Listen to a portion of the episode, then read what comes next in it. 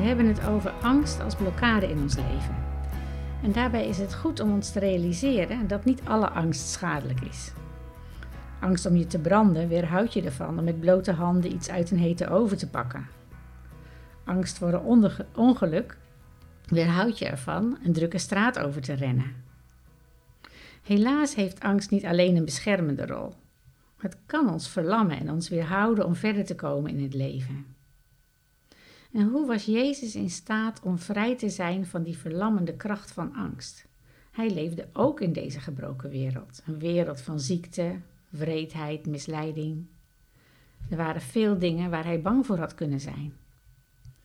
Zijn geheim was dat hij volledig vertrouwde op de liefde en kracht van de Vader, zodat hij zonder de verlamming van angst kon leven. Zoals in Spreuken 29 staat: Angst voor mensen is een valstrik, maar wie op de Heer vertrouwt, wordt beschermd. We worden beschermd. Jij en ik staan er niet alleen voor. En we worden niet afgerekend op onze tekortkomingen en fouten en zonden. Juist daarom is Jezus op aarde gekomen. Hij is gekomen om ons te leren wat liefde echt betekent.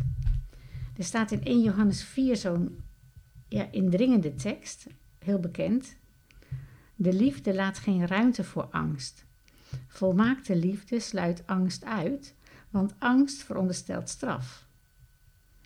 In iemand die angst kent, is de liefde geen werkelijkheid geworden. Nou, dat is best een pittige tekst. En in een meditatie van drie minuten uh, misschien een beetje veel gevraagd, maar ik wil er toch nog even iets over zeggen. Er staat: Volmaakte liefde sluit angst uit. Wat betekent dat nou echt? er is geen angst voor straf. Ik denk dat het ongeveer dit betekent. Wij zijn niet bang, in het menselijk leven zijn wij niet bang voor degene van wie we weten dat ze echt van ons houden. Echt en diep en op een gezonde manier van ons houden. We vertrouwen onszelf aan hen toe. We zijn niet bang voor hoe ze zich gedragen. Ook als dat niet zo weldadig aan zou voelen af en toe. En til nu eens wat waar is voor het menselijke relaties naar het niveau van onze relatie met God. En luister dan nog eens wat de tekst zegt. Volmaakte liefde sluit angst uit. Volmaakte liefde.